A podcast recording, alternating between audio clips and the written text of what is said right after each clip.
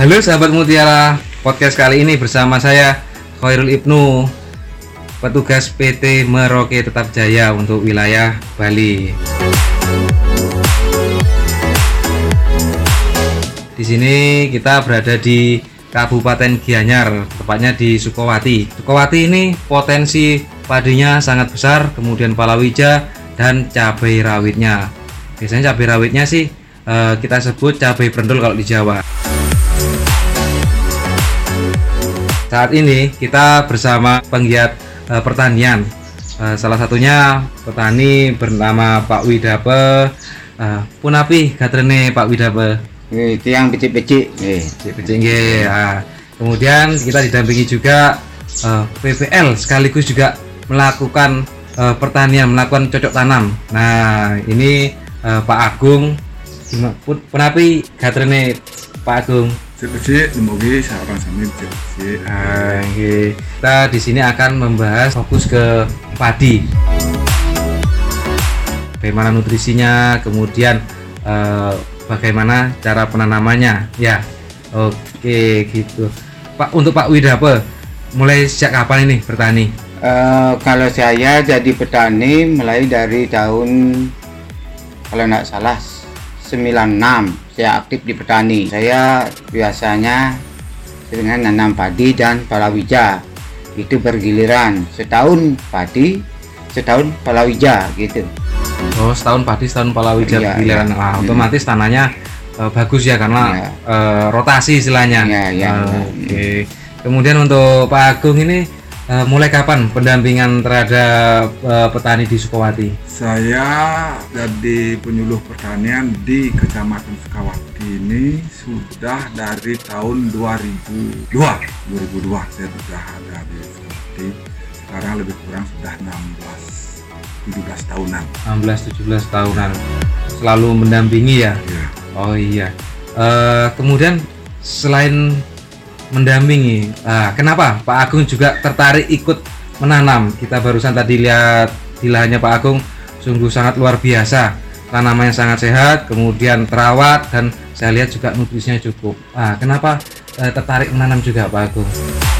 Ya, saya jadi penyuluh kebetulan saya bertugas di desa saya sendiri dan dari warisan orang tua juga ada tanah, ada lahan untuk kita tanami padi.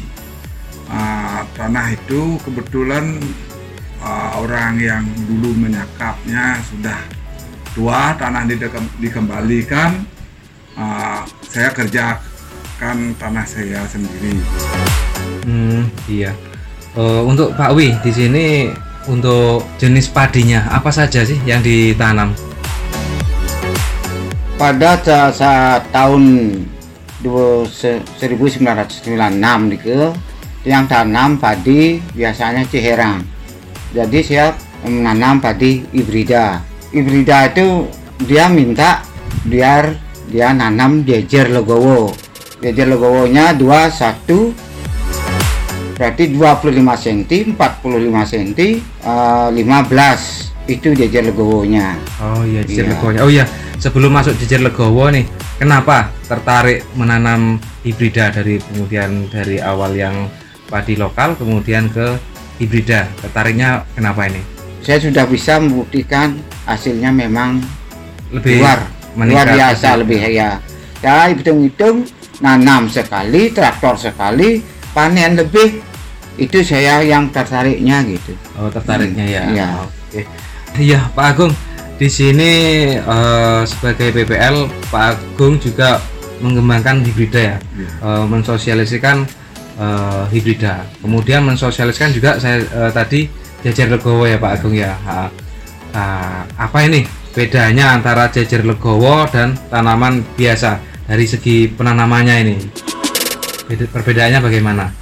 Kalau penanaman jajar legowo akhir-akhir ini memang saya sedang giat-giatnya saya uh, sosialisasikan kepada masyarakat Uh, dengan juga seiring juga dengan ketertarikan petani mengembangkan padi hibrida. Uh, Jajar Legowo ini mempunyai kelebihan apa namanya kalau secara umum petani lebih mudah dalam pemeliharaan Pemeliharaan, iya. sudah itu nanti penyinaran lebih baik. Yang saya lihat umum di sini petani-petani yang sudah melaksanakan jajar logowo menurut mereka dalam pemeliharaan mereka lebih mudah. Apalagi dengan penanaman hibrida lebih baik lebih banyak melakukan penyemprotan karena ada pemberian nutrisi dari daun. Aktivitasnya lebih banyak di di pertanaman. Mereka juga suka dengan logowo Ya, untuk Ya. nah, untuk legowo ini katanya lebih banyak penyiraman. Berarti jarak tanamnya lebih lebar ya? Apakah mempengaruhi jumlah tanaman lebih banyak atau lebih sedikit nantinya kalau pakai jajar legowo? Kalau jajar logowo dibandingkan dengan tegel, sebetulnya jajar logowo 21 yang seperti yang disampaikan oleh petani tadi. Bila konsisten jarak tanamnya jajar logowo 21 40, uh, logowonya Iya. 40 yang Eh, lebarnya gangnya 40 yang ya. untuk lebarnya Sudah itu jarak antar baris antar barisnya 25. 25 Sudah itu di dalam di barisan dalam barisnya 15, 15. ya. Ya paling longgar 17 18 lah. ya Itu akan diperoleh per hektarnya itu sekitar 160 sampai 170 ribu titik rumpun, Rumpun. per per hektar. hektarnya ya Sementara kalau tanam Tegel. tegel 25 25 bahkan di sini secara umum lebih jaraknya mungkin sampai 30 itu akan terdapat eh, rumpun cuma 160 rumpun per hektar. 160 ribu rumpun per Iya. hektar ya Jadi hitung-hitungannya dengan jajar logowo populasinya lebih banyak dari tanam tegel. ya Ya. lebih banyak karena eh, ada yang dirapatkan Ada ya, yang tadi dirapatkan, ya. Untuk hasilnya ini Pak Wi sebagai petani yang sudah melakukan jajar legowo, bagaimana hasilnya dari yang tanaman tehel biasa? Kalau menurut saya, taruh hasilnya itu dari rada pada nanam tegel itu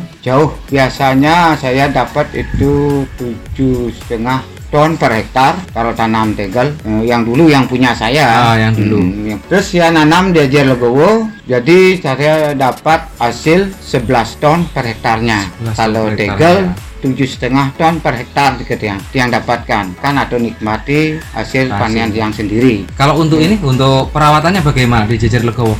Lebih mudah kah atau lebih sulit? Eh, seperti eh, katanya Pak Agung juga pernah pengalaman padinya kena orang api. Makanya saya di sana itu nyemprotnya lebih gampang.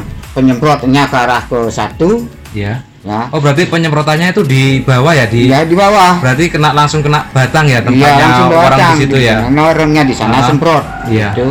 Makanya lebih efisien jadinya. Kalau sudah nyemprot, saya yakin padi itu sudah mau penyakit itu sudah hancur dia, sudah mati. Oh jadi untuk makanya lebih yakin yang pakai jajar legowo gitu. karena penyemprotan juga lebih mudah, ya, eh, dirasa juga lebih efektif penanggulangan hama dan penyakitnya. ya. dan pupuknya juga lebih Iya. irit umpama ngabisin rabu 5 kilo per haro gitu Hmm. misalnya kalau di sana tabur di eh, di di tengah-tengah itu yang kecil 25 Oh di barisannya antar ya. itu ya? Nah, barisnya yang kecil itu kan lebih irit Lebih jadi irit, ya. pupuknya tidak terbuang terbuang itu Oh jadi itu langsung dia yang yang dapatkan teori di lapangan gitu ya yang dirasakan juga hasilnya Ya. memang berbeda. ya beda kalau mengatakan hasil ya jelas beda sekali Gitu ya. Gitu, ya Oke ya, ini eh, kita mungkin mungkin ada tips dari Pak Agung untuk para pendengar agar bertani padi itu lebih baik agar produktivitasnya juga naik. Apa tipsnya dari Pak Agung ini?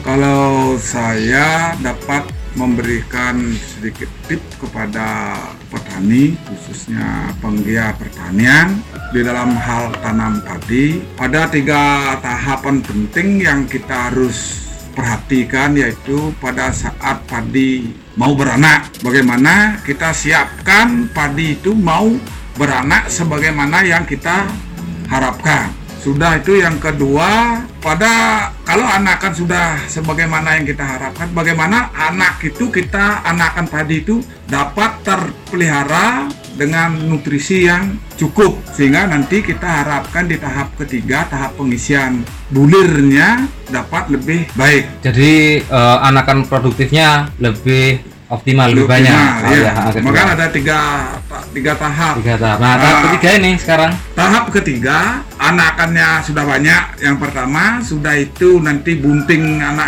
anakan produktifnya Ah, iya. banyak. Ah. Sekarang tinggal kita pikirkan bagaimana dari malai-malai yang keluar itu bisa terisi penuh. Iya. Nah, itu dia tahap yang ketiga, tahap terakhirnya itu. Nah, tahap Iya. ketiga biar penuh itu apa itu eh, solusinya? Solusinya kita menggunakan nutrisi karena di sini mulai dikembangkan hibrida saya fokus berbicara padi dengan yang produktivitas yang lebih tinggi. Iya. Tadi saya katakan tahap awal, tahap satu, bagaimana padi itu mau beranak sebagaimana yang Bagaimana kita harapkan. harapkan. Gunakan pupuk P dan N Yang pupuk cukup. organik Ah. yang cukup. Ya, untuk jadi untuk Ah. membuat anakan butuh N sama P yang Yang cukup. dan Nah, organik tanah organik juga tanah juga harus perhitungkan. perhatikan. Ha, ha, ya. itu udah itu kita kontrol dengan bagan warna Bagaimana daun BWD? jangan sampai pada saat anakan produktif ini eh anakan itu udah anaknya sedang ba- bagus-bagus Ah, itu ya. terhenti karena kekurangan nutrisi, kita kontrol betul itu Ah, selanjutnya kalau sudah anakan sudah cukup ya anakan ter- terhenti ya di sekitar umur 35 sampai 40 tahapan berikutnya kita berikan pupuk yang unsur hara kualitas kalau N-nya kita di Kurangi dikurangi, Ah. kita naikkan Kaliumnya kalium dan kalsiumnya. kalsiumnya kita naikkan, magnesium juga kita magnesium juga perlu ya. Ha, ha. Ya, Itu Ya. tidak cukup kita melalui tanah saja, lakukan juga lewat daun. Ter- termasuk sampai tahap ketiga itu, itu Iya. kita kontrol. Kalau memang musimnya baik, kekurangan unsur hara sampai umur 50 kita masih kontrol dengan BWD-nya, bagan warna daunnya. Iya.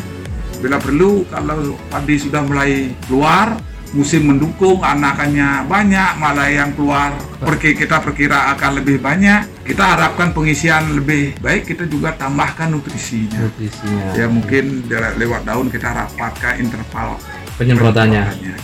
Oke, ya. Para pendengar, begitu eh, kita bincang-bincang, kemudian juga tipsnya untuk bercocok tanam padi dan untuk menghasilkan produksi yang tinggi. Nah, bisa ditiru dan dicoba sendiri. Terima kasih Pak Widape, Pak Agung. Kita bisa lanjut eh, sesi berikutnya untuk obrolan tentang nutrisi apa saja yang dipakai yang selama ini untuk meningkatkan produksi. Eh, sekian dari saya, salam mutiara.